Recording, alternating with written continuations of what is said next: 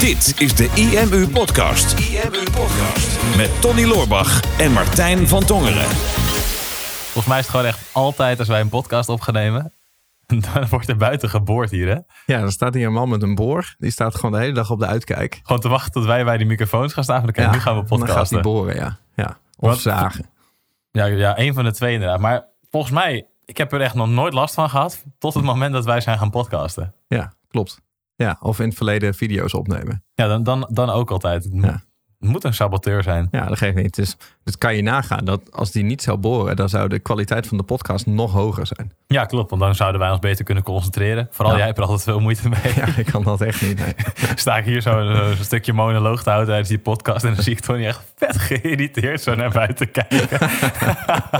nee, ik ben helemaal niet snel geïrriteerd. Ik ben een hele vrolijke, guitige jongen. Ja, over het algemeen wel. Behalve als er iemand veel geluid maakt. Ja, oké. Of als er andere mensen in de buurt zijn. Ja, dat hebben mensen ook wel eens gezien als, als we ons samen zien webinaren. Ja. En als ik dan begin met een webinar, dan begin ik hem altijd lekker hoog in energie en hoog in het volume. Ja, en dan zie je jou zo, oh, mijn oor man.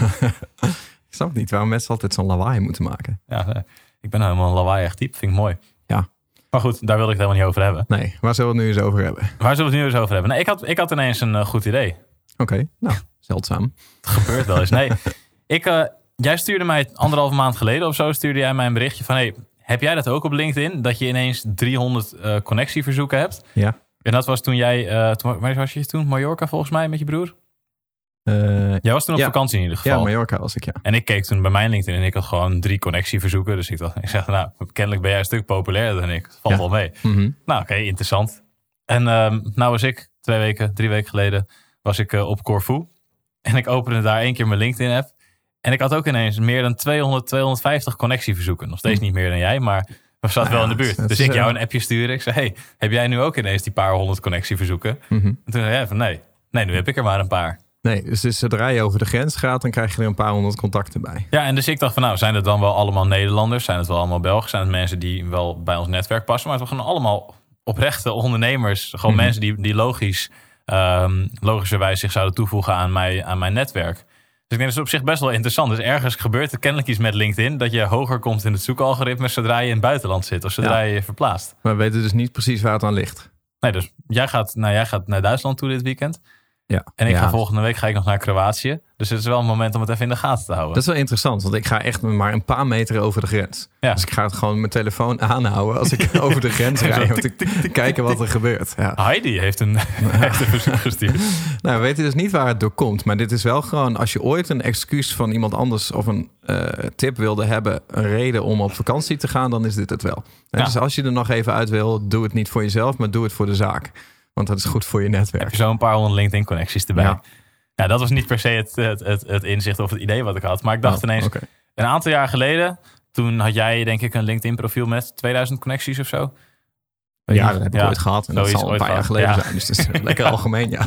nu heb je er 9000. Ja. Maar toen hadden we een, eh, een export gemaakt van jouw LinkedIn-contacten. Want je kan gewoon jouw LinkedIn-contacten kan je exporteren als een Mhm. CSV-bestandje. Ja. En die kan je dan uploaden in Facebook als aangepaste doelgroep. Mhm. En het mooie daarvan is, is dat je die aangepaste doelgroep ook weer kan gebruiken ter inspiratie van andere doelgroepen. Want wat je op Facebook kan doen, is je kan een zogeheten lookalike audience aanmaken. En dat zijn dan dus mensen die lijken op de mensen die jou geïmporteerd hebben. Mhm. Die jij geïmporteerd hebt. Ja. Dus super vet, want dan heb je ineens weer een hele ander soort doelgroep waar je advertenties naartoe kan sturen. En ik Mhm. bedacht ineens, dat hebben we echt, weet ik veel, hoeveel jaar geleden gedaan. Maar ondertussen heb jij 9000 connecties en heb ik er 5500. Verschil Ja. moeten zijn. Ja, precies. Nou ja, het, Maar dat is nog steeds- eh, het Het is geen wedstrijd. Als de wedstrijd was, was close. Ja, I know. maar ik denk, ja, dat zijn toch 14 14.500 connecties waar Mhm. wij, ehm, die wij zouden kunnen importeren in Facebook. En nee, we importeren dat dus niet in onze e-mailmarketing provider. Van, Nee, hey, dat mag niet. nee. Dat mag niet. Nee. Dat, is, eh, dat is verboden. Maar we kunnen het wel gebruiken als inspiratie voor een eventuele nieuwe doelgroep. Of misschien om naar deze specifieke groep mensen een advertentie toe te sturen. Ja. Want als wij iets posten op LinkedIn, dan bereikt het niet ons volledige netwerk. Nee, en dat, en dat is altijd zonde. Want ik zit even te kijken, de teller staat nou op 9380. Ik denk, ja, dat zijn een heleboel mensen. Zet ze maar eens in een zaal. Alleen toch eh, merk ik dat, eh, dat het niet zo is dat als ik nu iets online zet... sowieso zien niet al die 9300 mensen dat. Ehm, het ligt er ook een beetje aan wat ik post en hoe erg het aanslaat. Maar ik heb in het verleden wel veel meer bereik gehad met veel minder mensen. Ja. dus, en dat, dat blijft toch altijd een beetje een spelletje. En nou goed, we zullen het nu niet helemaal over hebben hoe dat werkt. Alleen je hebt gewoon niet de garantie dat je die mensen bereikt. En zeker zodra je commercieel wordt, merk je eigenlijk dat al die commerciële boodschappen, dat die vaak het slechtste scoren. Hè? Want Ehm, over het algemeen wordt daar minder op gereageerd en minder geliked dan de, dan de virale content of de puur inhoudelijke content. Ja, en als er niet op gereageerd wordt, dan op een gegeven moment stopt het ook qua bereik. En dan wil je eigenlijk gewoon, ja, die 9300 mensen, ik wil ze inderdaad wel bereiken. Ja, dan maar betaald. En dan gooi ze inderdaad maar in een doelgroep en toon daar dan je advertentie aan voor bijvoorbeeld je product of je, of je evenement. Ja, ik weet ook niet of er een soort van boostknop zit op LinkedIn waarmee je dat makkelijk kan doen. Maar ik heb, ik, ik heb hem een aantal keer geprobeerd. Mhm. Ik dacht van, nou, ik ga het wel even proberen, dat LinkedIn adverteren. Maar ik heb tot nu toe altijd, waren er te veel drempels waardoor ik dat niet heb gedaan. En volgens mij Ja. heb jij dat ook. Het is best wel moeilijk en het is best wel prijzig. Tenminste, als je het moeilijk vindt, dan zal het prijzig zijn. Zal ongetwijfeld mensen zijn die er heel goed in zijn. ehm, waardoor het goedkoper wordt. Alleen het is, eh, als je het vergelijkt bijvoorbeeld met Instagram of met Facebook, ja, dan is het gewoon duurder en, en ingewikkelder om dat, om dat goed te doen. Eh, en dan nog, betekent niet dat je per se naar die mensen zit te adverteren die jou al bewust hebben toegevoegd als contact. Eh, dus dat is heel nuttig om ze eruit te halen. En eh, natuurlijk, eh, al die e-mailadressen, je kan ze ook mailen, maar dat mag eigenlijk niet. Ehm, en daar zul je ook over het algemeen niet eh, positief van afkomen. Want ja, als je zoveel mensen gaat mailen, ga je ook veel spamklachten krijgen. En dat gaat je reputatie weer schaden. Dus dat moet je niet willen. Maar met doelgroepen en zeker met lookalikes werkt gewoon heel goed. Hè? Want eh, Facebook kijkt dan gewoon van wat is eh, ja, iemand die erop lijkt. En dan niet qua uiterlijk. Dat zou helemaal mooi zijn trouwens. Allemaal mensen die op jou lijken. Eh, oh, dat is nog een beter idee. Maar, nee, maar denk, ja, stel nou dat je iemand heel mooi vindt. Maar die, dat je denkt, ik ben smoor verliefd op diegene, die vind ik mooi. Maar die is al bezet of die kan je niet krijgen. Dan upload je gewoon dat e-mailadres bij Facebook. Zeg ik wil lookalike audience. Ik wil gewoon allemaal mensen die exact op deze persoon lijken.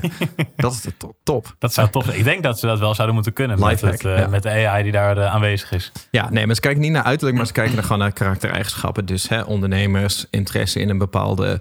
Eh, eh, in een bepaald onderwerp, zoals bijvoorbeeld online marketing of interesse in dezelfde merken of soort netwerk wat die mensen hebben. Ja, Veel gemeenschappelijke vrienden, dan kom je waarschijnlijk ook naar voren. klopt. En wij merkten in het verleden altijd al dat wij, eh, dat wij veel goedkoper aanmeldingen voor de mailinglijst kregen op basis van die lookalike doelgroep, dan op basis van wanneer we gewoon compleet random gingen targeten. Ja, ja want je LinkedIn contactenlijst is natuurlijk één vorm van zo'n lookalike doelgroep die je kan toepassen. Maar je kan natuurlijk ook beginnen met je klantenlijst. Mhm. Eventueel je bestaande mailinglijst die je nu hebt. Mhm. En dan vervolgens kijken naar.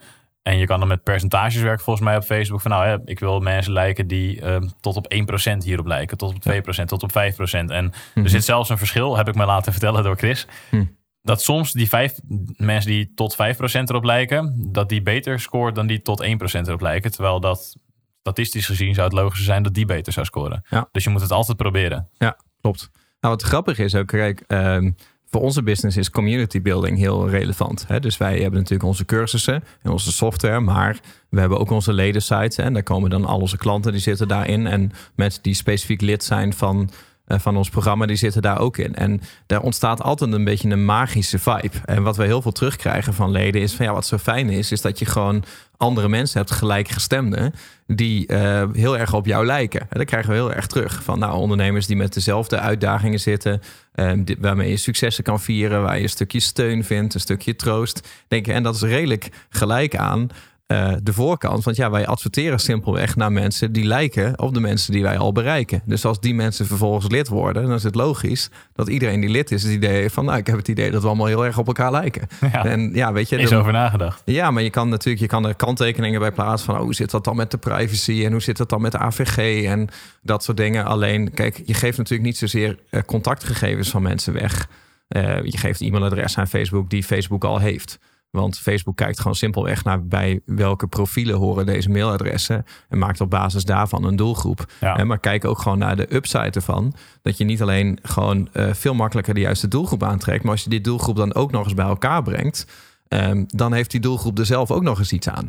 En dat is natuurlijk wel een mooie combi. Ja, zeker. En het mooie hieraan is dat je, als je dit eenmaal realiseert, dat je enorm ver kan gaan in het, in het creëren van nieuwe doelgroepen. En door het maken van nieuwe en extra doelgroepen, kan je ook continu door blijven schalen met je Facebook-advertenties. Ja. Dus hè, je, je begint misschien ooit, als je nog helemaal niks hebt hè, vanaf scratch, dan denk je, nou oké, ik begin met, in ieder geval plaatsen van een Facebook pixel op mijn website. Zodat elke bezoeker op mijn website, die wordt bijgehouden door Facebook.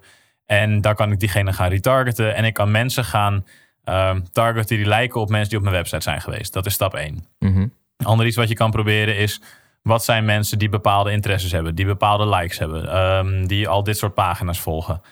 Dat, is, dat is ook een manier waarop je mensen kan gaan targeten. Maar als je dan net iets verder bent... en je hebt misschien al wat meer, eh, meer gespendeerd op Facebook... wat je bijvoorbeeld ook kan doen... is je kan een keer gewoon een filmpje online gooien... en dat stuur je inderdaad naar mensen die een bepaalde interesse hebben. Dus gewoon een inhoudelijke video. En dan ga je vervolgens kan je kijken... nou oké, iedereen die deze video tot 20% heeft gekeken... of tot 50% heeft gekeken... Daar wil ik weer een losse doelgroep van. En dan kan je daar weer een advertentie aan laten zien. Maar wat je ook kan doen, is dat je weer van die groep mensen die jouw video's tot wel 50% bekijken, zeker als je wat meer advertenties hebt, dat je van alle mensen die jouw video's tot 50% bekijken, dat je daar weer een lookalike audience van aanmaakt. En als je dan op die manier het gaat bekijken, dan kan je door blijven gaan met het maken van doelgroepen. En natuurlijk, sommige doelgroepen zullen wel werken en sommige niet. Maar dan wordt het een beetje een spelletje van cijfers. Van oké, hier ga ik wel mee door, hier ga ik niet mee door. Oh, ik ga dit hier proberen. Ik ga naar deze doelgroep ga ik nu een ander soort advertentie toesturen. Want onder de link, onder die advertentie zelf kun je ook weer testen natuurlijk. Hè? Verschillende soorten afbeeldingen, verschillende soorten tekst, verschillende soorten video's. En op die manier kan je enorm snel gaan schalen. Maar ja, het begint eigenlijk bij de doelgroepen waar je naartoe gaat adverteren. Mhm. Want als jij maar een doelgroep van duizend mensen hebt, ja, dan kan je 10, 20, 30, 40 verschillende advertenties naartoe sturen. Maar dan wordt het een hele vervelende splittest voor al die mensen die in die doelgroep zitten. Ja, maar dus, ik denk dat je sowieso het principe er wel uit kan halen van van nature ben je geneigd dat als je gaat adverteren, zeker als je dat zelf gaat doen zonder ervaring, dan, we, dan denk je altijd meer is beter. Hè? Dus dat, is- dat is ook een beetje het, eh, ja, ik wil verneukeratief zeggen, maar dat is geen woord. Maar oké, dat, Wie heeft dat ooit bedacht hier? Ik heb nog nooit gehoord tot ik hier op kantoor kwam. Jij en Chris gebruiken dat altijd. Ja, oké, dan zal ik geweest zijn. Maar het is, verwar- het is verwarrend. Het is heel verwarrend. Op het moment dat jij bijvoorbeeld in Facebook gaat adverteren, je maakt zelf een advertentie, dan op een gegeven moment ga je een doelgroep specificeren. En dan zeg jij bijvoorbeeld van, nou, hè, ik wil. eh, ehm, eh, ik wil bijvoorbeeld alleen mannen targeten. En dan eh, in Nederland, nou, dan zie je daarnaast zie je dan bijvoorbeeld, eh, nou, je, je doelgroep bereik is nu 8 miljoen. Dan denk ik, oh, 8 miljoen mensen gaan mijn advertentie zien. En dan vervolgens ga je verder specificeren. Dan zeg je, ja, maar ik wil alleen maar mannen tussen de 20 en de 40. Nou, en dan blijft er bijvoorbeeld nog eens een keer eh, 2 miljoen over, ik noem maar iets. En ehm, dan voel je een klein beetje verlies van, oh, nu zijn het er niet zoveel meer. En hoeveel te specifieker je het maakt. Van, nou, hè, ik wil deze leeftijdscategorie, dit geslacht, deze locatie. Eh, ik wil deze specifieke interesses. Ik wil mensen die verbonden zijn met deze fanpages. Ik wil mensen uitsluiten die al verbonden zijn met mijn fanpage bijvoorbeeld. Steeds meer, komt steeds meer bij, waardoor die doelgroep steeds kleiner wordt. En hoeveel te kleiner die doelgroep is, over, over het algemeen, des te beter dat voor jou is. Ja, het zou heel logisch zijn dat je misschien wel, als, als je daar de potentie voor hebt en dat je daar de tijd voor hebt, dat je misschien wel 50 verschillende advertenties zou hebben Ja. voor allerlei verschillende soorten doelgroepen. Ik bedenk me nu ineens dat je dat zegt van nee, wij waren tijd geleden hebben we twee dezelfde advertenties opgenomen. Mhm. Hebben we ook een podcast over opgenomen volgens mij, die monsterstrategie, hoe we dat toen hebben gedaan.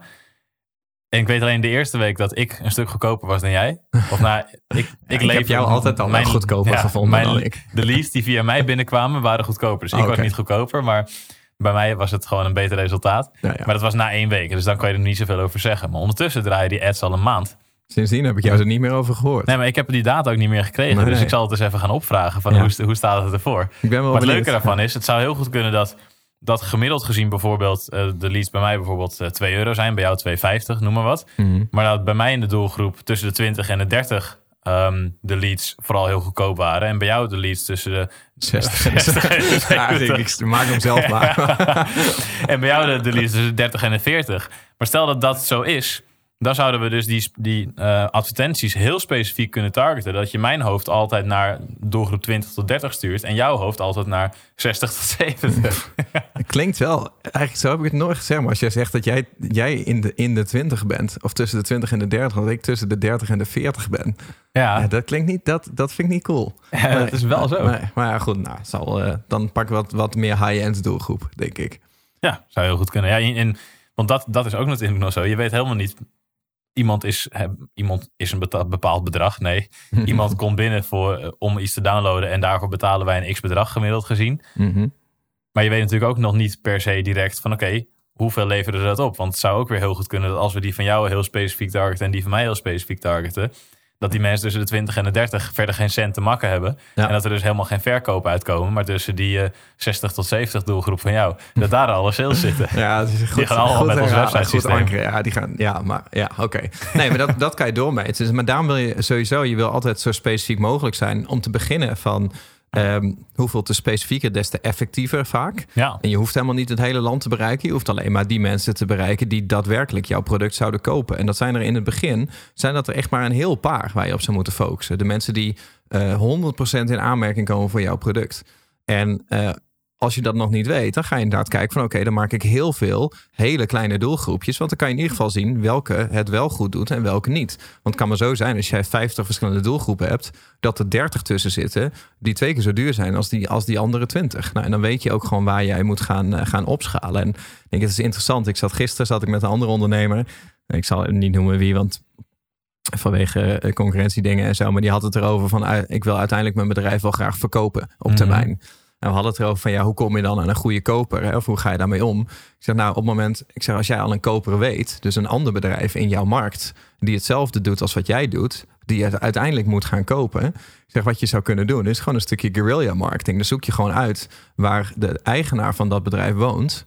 En dan ga je alleen in zijn wijk ga je dan ga je adverteren. Dus dan zet je gewoon de bushalte voor zijn, voor zijn woning.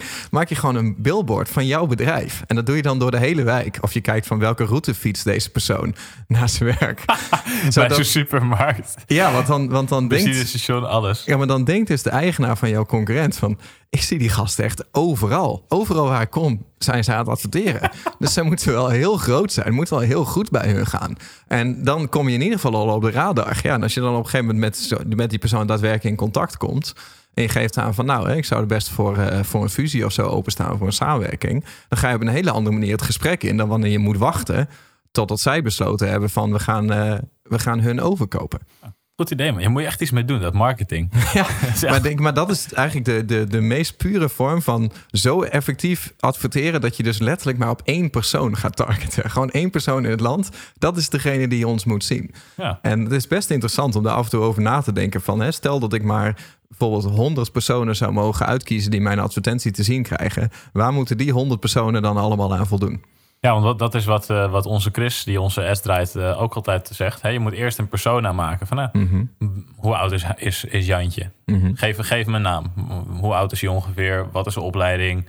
Wat voor dingen vindt hij interessant? Wat voor pagina's vindt hij leuk? Zodat je, dat je daar echt een profielschets hebt. Mhm. En bekijk het inderdaad maar eens als echt persoon in plaats van een stuk data wat je achter Facebook ziet. En dan ga je, zou je ook zien dat je heel anders over de inhoud van je advertenties na gaat denken. Want als je ineens realiseert van hey, het is een persoon die op de wc door zijn telefoon zit te scrollen, dan ga je misschien een hele andere advertentie maken dan als het gewoon iemand is die eh, een van de getalletjes is die je in je dashboard terug ziet komen. Ja, klopt. Dus nou, dan komen we weer terug op waar we op begonnen zijn. En dat is het, eh, het LinkedIn-principe. Dus weet je, het is sowieso een mooie, eh mooi weetje als je dat niet wist. Van hé, je kan dus gewoon je contactenlijst exporteren. En dan krijg je dus letterlijk gewoon alle e-mailadressen van mensen waar je een connectie mee hebt. Nou, ga er een beetje voorzichtig mee om. Eh, dat laat ik even aan eh, jezelf wat je daarmee wil. Wij zouden zeggen van maak er een doelgroep van. Want dat zijn gewoon mensen. Ehm, daar heb je een connectie mee gemaakt. En ik weet natuurlijk niet wat je LinkedIn-strategie is. Weet je, als je alleen maar op de massa zit en het gaat je echt om connecties verzamelen, dan zal dat minder waardevol zijn dan wanneer jij wat minder connecties hebt die je echt zelf hebt toegevoegd. Of mensen die jou heel eh, makkelijk hebben toegevoegd, omdat ze echt jou als persoon in hun netwerk wilden. Denk, ja, hoeveel te persoonlijker dat is, des te, ehm, des te cleaner je basis eigenlijk is van mensen die daadwerkelijk interessant voor je business zijn. En daar ga je dan op doorbouwen. Podcast. Super tof dat je hebt geluisterd naar de IMU podcast. Ik hoop dat je dit waardevol vond en dat je er inzichten uit hebt kunnen halen voor jezelf en voor je eigen business. Vond je dit nou een waardevolle podcast, dan zouden Tony en ik het heel erg waarderen als je dat zou willen delen. Enerzijds door dat bijvoorbeeld te delen via je eigen Instagram of via LinkedIn. Door een screenshot te maken van je telefoonscherm en ons daar even in te taggen. Maar wat we nog meer zouden waarderen is als je de tijd en moeite zou willen nemen om een review achter te laten. Werk je met een Apple-telefoon, dan kan je dat doen binnen je eigen podcast-app door daar een review te geven. Geef ons een x aantal sterren met daarbij een korte motivatie wat je van onze podcast vindt. Zouden we echt enorm waarderen als je die tijd zou willen nemen. En werk je met een Android-telefoon, dan zie je dat, daar, eh, dat de meeste apps geen review mogelijkheid hebben. Wat we dan heel erg zouden waarderen is als je op Google IMU zou willen intypen en vervolgens via de Google Review sectie iets zou willen vertellen over de IMU, wat je van ons vindt en wat je aan onze podcast hebt gehad. Alvast heel erg bedankt en ik hoop natuurlijk dat we je volgende week weer mogen verblijden met een volgende aflevering van de IMU podcast.